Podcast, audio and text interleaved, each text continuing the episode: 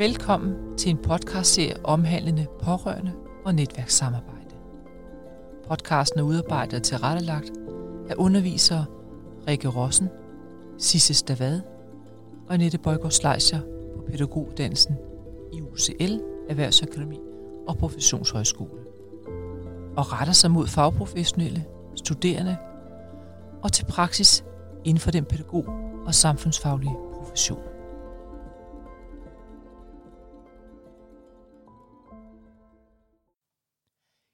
Dette afsnit fortæller Sara Christiansen, som er 41 år og mor til to børn, om hendes søn Alfred på 15 år, som bor på døgntilbud for børn og unge med diagnoser, og hermed blandt andet autisme og ADHD.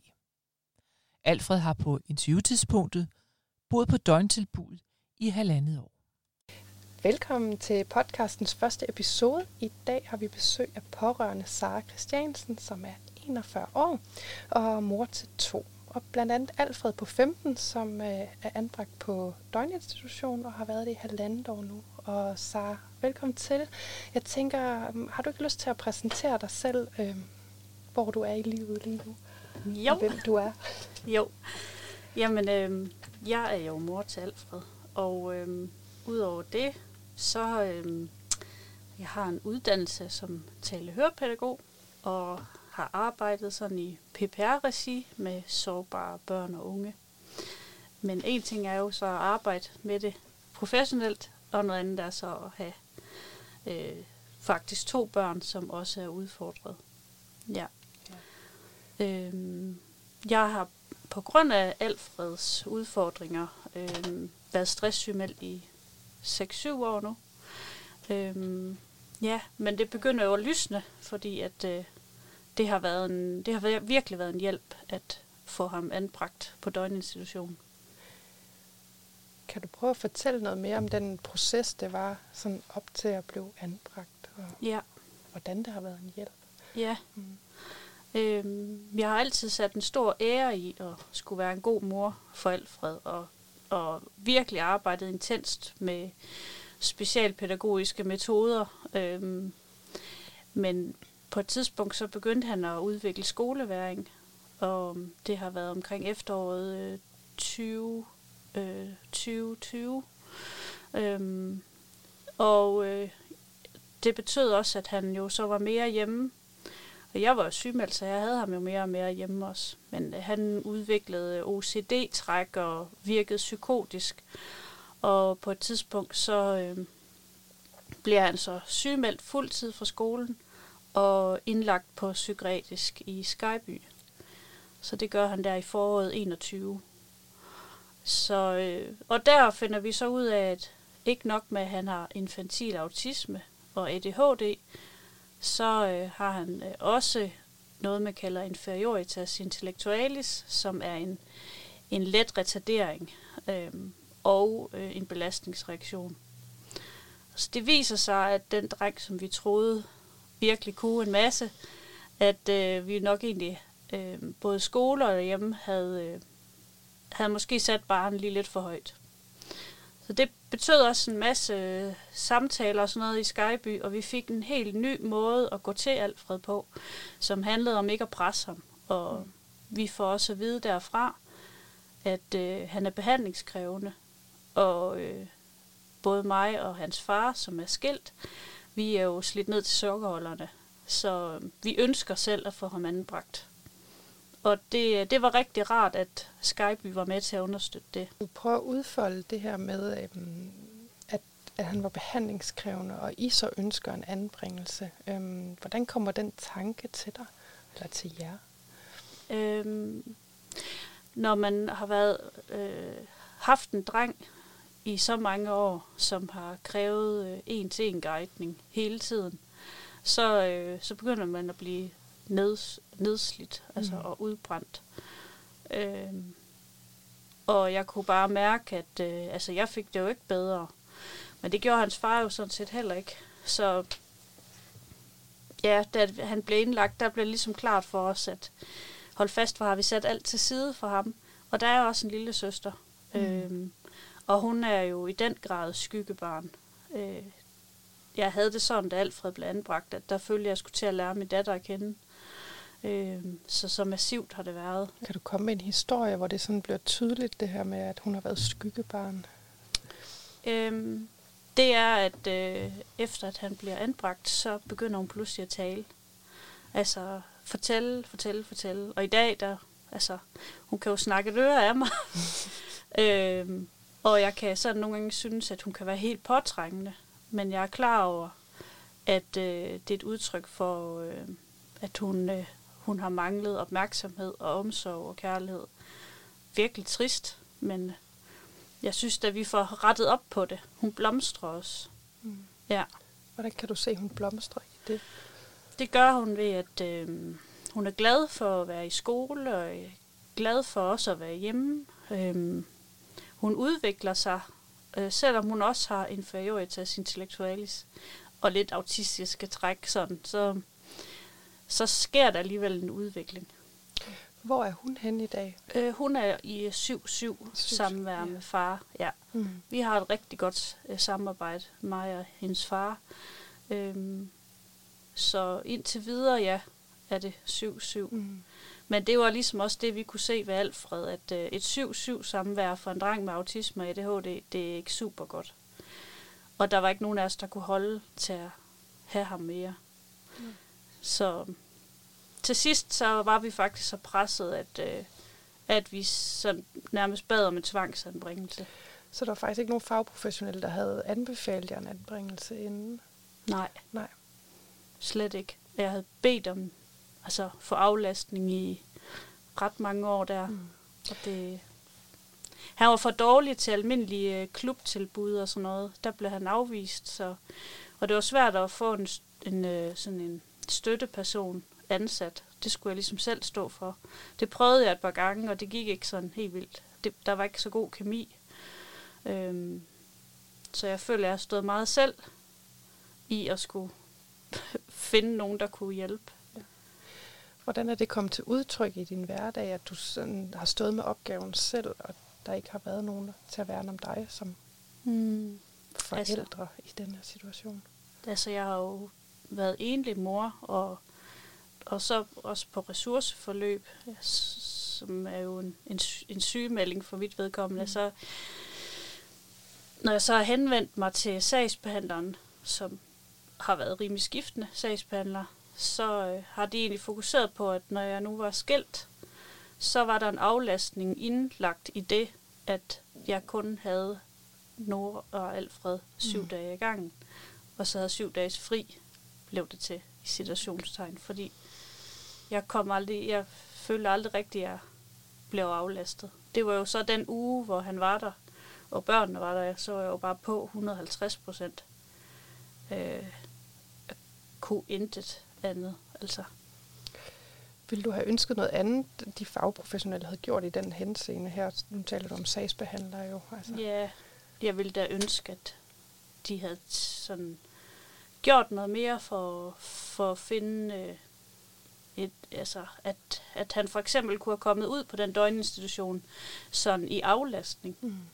Tænker jeg, det kunne have været helt vildt godt. Øh, Måske kunne det have modvirket, at det blev så skidt til sidst, at det blev en anbringelse. Og Hvordan blev det skidt til sidst? Kan du prøve at, at male et billede af, Ja. hvordan? Øhm, jamen, det var sådan, at øh, jeg kunne ikke forlade det samme rum, han var i. Altså, så, så blev han helt panisk og gik efter mig. Øh, så jeg kunne ikke tage ned og handle. Øh, så jeg skulle have andre til at handle ind for mig. Øh, men egentlig så galt det jo om at planlægge til over en uge ad gangen. Han er meget, meget selektivt spisende, så jeg skulle også sådan regne ud, hvor, mange skal, hvor meget skal jeg have af de her nuggets og pomfritter og æblejuice og, øhm, og det specielt slik. Og, altså det er noget af det, hvor han virkelig er ramt på sin øh, autisme. Mm. Øhm, og så var der masser af ritualer om, at han skulle sige til mig, jeg føler, jeg sidder fast til dig, mor. Og så skulle jeg sige, jamen det gør du ikke, Alfred. Så skulle han sige det igen, jamen jeg føler, jeg sidder fast til dig. Men det gør du ikke. Okay. Og han lad, fik en masse bevægelser, han skulle gøre også. Øh, og det, det var vigtigt, at jeg ligesom bare var fuldstændig i ro, og lod ham gøre det, han skulle. Og det er bare svært, når man er presset. Mm. Så han fik mange ture, hvor han bare faldt sammen på gulvet og græd og græd og græd. Og ja, og så, det, det var bare så hårdt. Ja. Svært at få ham til at børste tænder, og han børstede ikke tænder i et par år. Og få ham i bad, det er et kæmpe sansebombardement. Mm. Altså der skulle jeg jo også guide ham. Øh, og maden skulle laves på en bestemt måde. Øh, altså virkelig ekstremt, ikke? Øh, toast ristes på en bestemt måde, og kanterne skæres af, og det skulle skæres lige af. Og sådan er han også i dag, jo. Det lyder jo vildt øh, hårdt som, som at være i så længe. Sådan, ja. hvordan, hvordan kunne du være i det, i det? Det ved jeg ikke. Nej. det ved jeg faktisk ikke. Der var mm. også... Øh, jeg har egentlig mødt flere sådan... Øh, sådan psykologer, eller der var sådan en familiebehandler på et tidspunkt også, der sagde, at hun kunne faktisk ikke helt forstå, at jeg kunne blive ved med at holde mig oprejst. Men øh, øh, det er nok på godt og ondt sådan, det er at være mor og forældre. Og så øh, tror jeg også, at i og med, at jeg så arbejdede ved siden af, eller har arbejdet inden da, også, øh, der arbejdede jeg på et tidspunkt som hjemmetræner for en dreng med autisme og mental retardering, en teenager. Så jeg var vant til, og hvordan kunne jeg stille mål op for, hvordan træner man baderutine? Hvordan øver jeg ham i at gå på græs med bare tæer? Og så det har jo været et arbejde for mig, uden jeg egentlig har lagt helt mærke til det. her. Så du har faktisk brugt dine egne uddannelsesmæssige kompetencer ja. Ja, til din egen drøm. det har jeg. Ja. Og, dem, og du har ikke fået hjælp andre steder fra, som, som pårørende ind i? Det var kun dengang, at han lige havde fået diagnosen som 8-årig, at, øh, hvor jeg gik ned på kommunen og sagde, det her, det kan jeg simpelthen ikke... Øh, det fik han, da han var... Han fik diagnosen ja, som 8-årig. Mm. Så, øh, ja, så fik vi tildelt en autismepædagog, som kom hjem i begge hjem hos min eksmand og mig, og vi holdt møder sammen også, og der blev øh, lavet sociale historier og piktogrammer, og det var sublimt. Det var mm. så godt. Det dannede ligesom grundstenen for, at vi også blev de der rigtig gode forældre i flere år. Mm. Men da Alfred begynder at få det dårligt, der kan han ikke bruge piktogrammerne mere. Altså, og det gør han heller ikke i dag. Øh, det siger ham ikke noget. Da, da I begynder at opdage, at han ikke kan bruge piktogrammerne mere, henvender I jer så nogle steder i forhold til at få noget yderligere støtte? Eller? Nej, fordi det er der, hvor han bare får det dårligere og dårligere, mm. og ikke kan være i skole, og øh, heller ikke kan holde ud rigtigt at være nogle steder. Altså. Og så er det, at han bliver indlagt. Ja. Og så er det i Skyby, der er nogle fantastiske, dygtige pædagoger der, som øh, viser, at øh, det er den skrevne tekst, han skal have. Øh, og han skulle have meget mere struktur, end vi egentlig havde givet ham de sidste mange år. Øh, det er sådan, når man får noget vejledning i, hvordan man skal være sammen med sådan et barn, så kan man give den gas et stykke tid, og så bliver det hverdag, og så har vi egentlig tænkt, at Alfred han klarer sig fint, så vi behøver ikke gå så højt op i det struktur. Og det fandt vi så ud af, det blev vi nødt til. Så. Når du kigger på det sådan retrospektivt, vil du så have ønsket dig noget for den måde, I kunne blive hjulpet på i dag? I forhold til det første forløb? Her? Ja, altså det, jeg synes, det kunne have været...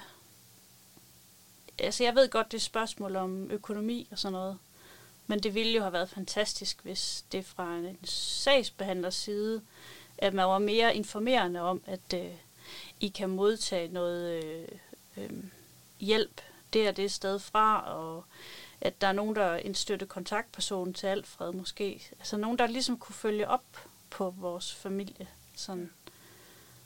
Og det, det gjorde de selvfølgelig også til en vis grad, men jeg synes godt nok, det blev meget, øh, meget langtrukken, og pludselig så manglede der en paragraf 50 undersøgelse, og nå. Øhm, og der blev egentlig, vi fik rigtig mange gode samtaler, hvor vi blev lyttet til og hørt, troede vi. Fordi at så fik vi et referat fra mødet, men det viser jo, at når der blev snakket om forskellige aflastningsmuligheder og støttemuligheder, så er det kun snak, fordi derefter så skulle socialrådgiveren have fat i hendes leder, og så skulle det vendes på et møde, at det her noget, man ville bevilge. Og det var jo ikke nødvendigvis det, der ville blive, blive bevilget. Øhm, så Ja. Vil du have ønsket, at de så havde i talsat færre tilbudsmuligheder, Ja. når det er en? Ja. det der med at blive, øh, blive forelagt nogle muligheder, som faktisk ikke er muligheder, det er nok noget af det værste. Fordi at det gør, at man... Det er mega stressende at være i det der øh, loop mellem, at nu tror man, ej, nu, nu kan det godt blive godt. Nu, øh, nu kan jeg se frem til noget, og så nej, ikke alligevel. Mm. Mm. Altså, det gør jo også, at man mister tillid til systemet. Ja. Ja. Det er i virkeligheden rigtig skidt.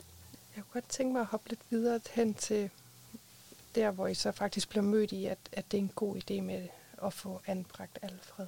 Ja. Hvordan husker du den proces i, at, altså opstarten i samarbejdet med de professionelle? Jeg har lyst til lige at sige, at, at, at den, altså inden opstarten, der var der rigtig meget kamp for, at vi skulle øh, få bevillet et døgninstitution. Og at øh, der var rigtig meget, øh, altså vi, vi ringede jo nærmest kontinuerligt til sagsbehandler og hendes teamleder for at sige, sker der snart noget? Fordi vi er simpelthen ved at, altså vi er virkelig ved at knække, øh, både mig og min eks, ikke? Mm. Øh, det betød jo så, at teamlederen jo også var inde og presse opad i systemet inde i, i døgn og familie øh, i kommunen. Og øh, vi fik at vide, jamen øh, der er pladser ude på den døgninstitution, som han kan bevilges, men der er ikke ressourcer, der er ikke personale nok, så I bliver nødt til at vente. Og det her, det er så i sommeren øh, 21, og vi får at vide på et tidspunkt, at der er en, der siger, at det først bliver november 21. Og det kan vi slet ikke. Altså, ej, det, var, det kunne vi slet ikke... Øh, jamen, ja, vi var bare så brugte. Øh, så det sker jo til sidst, at lige pludselig så får vi en plads 15. september. Og så tænker vi, yes, alt er godt. Øh, jeg kommer derud selv først og mødes. Der, de åbenbart to kontaktpædagoger, der skulle på Alfred. Og den ene, han siger så, kom lige med op, fordi at, øh, jeg skulle lige hjælpe med at vælge værelse. Okay. Øh, og så det blev jeg overrasket over, for jeg troede egentlig, at det var noget, de havde styr på. Og et eller andet sted ville jeg jo ønske, at det var noget, der var styr på i god tid forinden. Så jeg skal så der, mens Alfred og hans far så kommer, og de bliver så afledt lidt udenfor, så jeg er oppe og tage stilling til, hvilket værelse skal det være. Og øhm, det bliver egentlig en, et... Altså, han bliver afleveret på et værelse, som slet ikke er ordentligt klar. Det er ikke gjort ordentligt ren. Der er ikke blevet fjernet gamle sådan nogle øh, klistermærker fra den beboer, der har været der før. Og, øhm, ja, der er rodet og beskidt.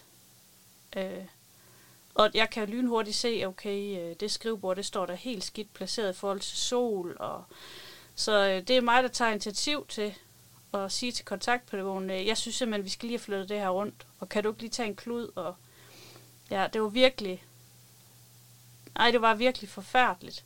Fordi det er jo bare overhovedet ikke det, som Alfred han havde brug for. Så jeg skulle jo bare dobbelt styre mig selv i at ikke at gå i panik. Men det gjorde jeg jo altså. Ja. Det var så ret tydeligt, at de var forvirret, og de nærmest lige var gået fra en opgave til en anden. Altså, der har slet ikke været tid til at forberede sig på, at Alfred kom. Øhm, og tiden ind til, der, dagen inden, der ringer de to kontaktpædagoger også til mig og siger, vi er lige ved at lave en risikovurdering. Øhm, kan du lige fortælle lidt om, hvornår er det, at Alfred han sådan er i rød og i gul og i grøn? Fordi det skal de have skrevet ind i en handleplan. Og så tænkte jeg bare, jamen det, jeg vil jo gøre alt. Så døgnet inden, der sad jeg og lavede risikovurdering for pædagogerne, til pædagogerne, og sendte det ud til dem. Vidste du godt, hvad en risikovurdering var, før de ringede til dig? Nej, Vidste du egentlig godt, hvad du skrev så? Ja. Jeg tror, at øh, inden da havde jeg også sendt, jeg havde sendt øh, rigtig mange af de planer og de programmer og skabeloner, vi kørte efter, havde sendt til dem derude, fordi jeg tænkte, jeg blev egentlig vejledt af, af min kærestes kusine, som har arbejdet derude tidligere. Hun sagde, øh, giv dem det som et, et forslag, som, som et ydmygt forslag. Sig, det her det er noget af det, der virker for os. Det er det, vi har lært i Skyby. I er velkommen til at bruge det, hvis I har lyst, men det er op til jer. Mm. Altså, så det havde jeg gjort inden. Ja. Så jeg havde ligesom tænkt, at det ville de nok også tage. Det var nok klar, når jeg kom med Alfred den dag. Det var det så slet ikke, vel? Ja.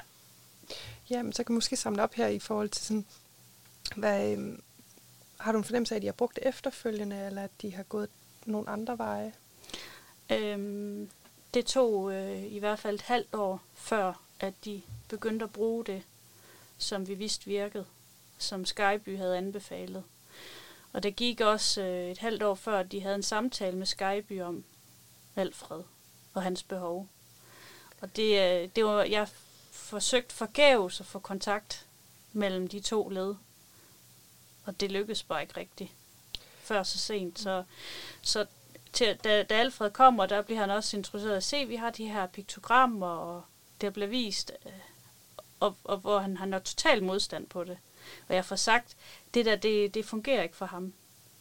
Og jeg troede så, så hørte de efter. Men ikke desto mindre, så blev der lavet strimler med piktogrammer. Og så inden for fem uger havde han jo så tabt 5 kilo, og var nede på 39 kilo, 170 cm høj, og ked af det.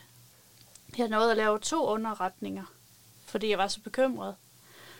Vi så, hans speciallæge så ham. Han lavede også en underretning til kommunen. Han kunne se, at hans kurve var jo... Altså, han stoppede med at spise. Han prøvede virkelig at fortælle, at øh, jeg blev ikke hørt. Mm. Så tog jeg ham hjem i efterårsferien i oktober der. Og så sagde jeg til dem, at jeg sender ham ikke ud til jer, før at I har mere styr på og ro på omkring Alfred. Jeg skal vide, altså, der var, der var ingen aftaler, da vi havde indskrivningssamtale den første gang. Jamen, øh, der viste sig jo, at hende, der var sagsbehandler, hun havde egentlig ikke gjort sit arbejde helt færdigt.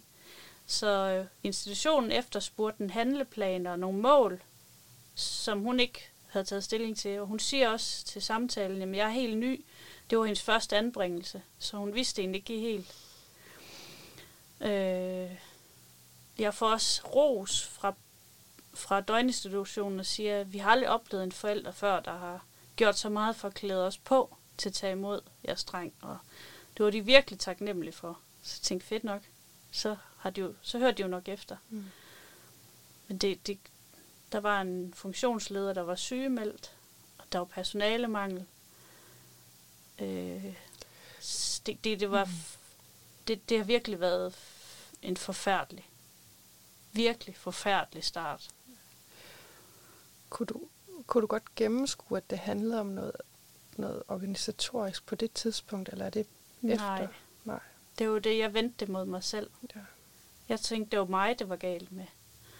Øhm, og øh, i og med, at der ikke var styr på ledelseslagen også, så blev jeg sådan kastet mellem fire forskellige ledere. Øh, og øh, så der i oktober, da jeg tager Alfred hjem, så får jeg så en melding om en af de her centerledere inden for kommunen, at hun kunne godt forstå, at jeg var forvirret. Nu er de ansat en ny leder, teamleder, og hende skulle jeg referere til. Altså, vi skulle have kontakten direkte. Inden da, der var det sådan, at jeg blev kontaktet både dag og aften, altså af personale, som øh, var i vildred omkring, hvordan de skulle takle Alfred. Og, øh, altså, jeg, jeg følte virkelig, at jeg var totalt primus motor øh, de første måneder der. Så- Så det leder mig lidt hen til det, der så begyndte at virke. Og det var, at øh, der kom styr på ledelsen. At der blev ansat en leder mere. Og det er der også i dag. De har simpelthen opnummeret. Øh, der blev lavet en aftale efter, noget efter fire måneder også, var der en ny sagsbehandler på. Hun havde erfaring med anbringelse, og hun øh, skriver til døgninstitutionen og siger, jeg synes, det er en idé, hvis I laver opfølgning hver tredje måned med forældrene. Jeg synes, det er en god idé, at øh, der bliver lavet skrevet mails hjem en gang i ugen, hvor der er nogle faste punkter, som bliver beskrevet. Hvordan er det gået med at få ham på toilettet? Hvordan er det gået med at få spist? Hvor meget har han spist? Øh, sådan ting, som, som fyldte alt i mig, fordi det var vigtigt, at han tog på. Har du en fornemmelse af, at det var en socialrådgiver, der så hørte dig Ja. eller jeres behov? Ja, det var det. Ja. Det var det. Det var, og det var helt tilfældigt. Hun var lige inde over kort, så sagde hun op, så fik vi en ny sagsbehandler. Øhm, og så har vi jo været til, til møder, hvor de også sagde ind på døgninstitutionen, at de ville jo gerne, at jeg ikke bare gik i højeste alarmberedskab og lavede underretninger, men at jeg kunne være tydelig og melde det ud til ledelsen, hvad er det, der bekymrer mig. Øhm, fordi at de jo modtog så mange mails hele tiden fra mig, fordi jeg er jo bange. Og de sagde også, at det handlede om, at en god anbringelse handlede om, at jeg havde tillid. Øh, fordi at Alfred han ville kunne mærke, at jeg var utryg. Og jeg synes godt nok, den er svær at sluge. Fordi tillid, det er jo ikke noget, man bare lige får. Øh, og jeg synes ikke, de havde vist sig værdige til, at jeg kunne have tillid til dem. Men det kom så langsomt. I og med, at vi virkelig fik nogle øh, åbne snakke. Og den nye øh, teamleder og jeg havde sus- virkelig god øh, kemi. Øh, så jeg fik ligesom mulighed for altid bare at kunne kontakte hende. Og så jeg kunne sige til hende, hun guidede mig til, hvordan jeg kunne, hvordan jeg kunne udtrykke, at øh, nu føler jeg mig simpelthen bekymret for, at I har glemt det her med Alfred. Hvordan står det til? Eller, altså så, det var totalt øh, ligesom blev taget i hånden af en voksen og beroliget. Hun har taget dig i hånden Ja. i forhold til de, de tanker, du gør dig i den her anbringelse. Hvor- er I hen i dag i alt det her? Ja, det blev også det, at, øh, at der blev taget meget mere hånd om øh, hans handleplan. Og de mål, der var, der blev for sent, men der blev udviklet en handleplan og nogle mål. Øh, og i dag, der kører det sådan lige efter en snor, så ja, sådan cirka. Der er kommet en ny leder igen. Øh, men det går fint. Det går faktisk rigtig godt. Øh, Alfred han udvikler sig og er i trivsel. Øh, og jeg har det sådan, at det er lidt ligesom, at gamle Alfred er tilbage. Han, I dag vejer han jo, ja, vi vejer ham jo også 54 kilo. Uh! Og han er jo næsten lige så høj som sin far, så det er jo, han er stadig tynd. Men det er godt, øh, altså når Alfred spiser, så er det fordi, han har det godt. Og fra at have 100% skoleværing, så kan han i dag få besøg af en lærer på skolen øh, to dage i ugen af en times varighed, sådan max. Og for øh, en måneds tid siden var han for første gang ude på sin skole, i første gang i to år, bare ude og kigge og se ham igen. Øh, så så det, det er rigtig stort, for ellers så er det, at han er på sit værelse og ude på døgninstitutionen, og det handler om at få spist og få sovet og komme på toilet. Og et mål er, at han får børstet tænder en gang om dagen, og det lykkes også. Øhm, han, han har det så godt nu, at når han så er hjemme på samværet, så, så er han med på, at vi er sociale. Han, er, han har lige lært at køre traktor hjemme med sin far her i vinterferien. Og ja, det er bare... Det er rigtig, rigtig godt. Har du, har du tillid til de professionelle i dag? Ja, det har jeg. Ja. Og i dag, der har han, øh, han har haft noget at skifte flere kontaktpædagoger. Men han er tilbage til den kontaktpædagog, der var der første dag, som var helt forvirret.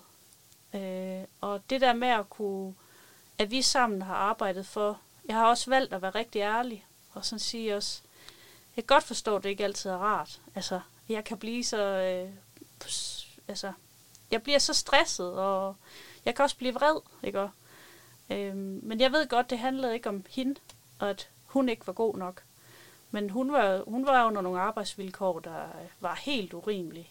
Altså, i dag er det blevet jo rigtig godt, så jeg kan jo se, hvor, hvor god hun er til Alfred, og hvor altså, hendes faglighed shiner i dag, fordi hun har nogle gode arbejdsvilkår. Det havde hun ikke dengang, at øh, han startede for landet år siden, så dengang der kom jeg jo til i mit hoved meget hurtigt at pege, pege fingre af hende. Hvordan af jeres kommunikation i dag? Kan du sådan kort komme med en historie om, hvordan I samarbejder om Alfred i dag? I dag er det sådan, at de respekterer, at jeg ikke ønsker at være inddraget i alle mulige detaljer omkring hans hverdag, som jeg var i starten. samtidig så øh, respekterer de også mit behov for at have en føling med, hvad der foregår. Så jeg har et højt grad af informationsniveau.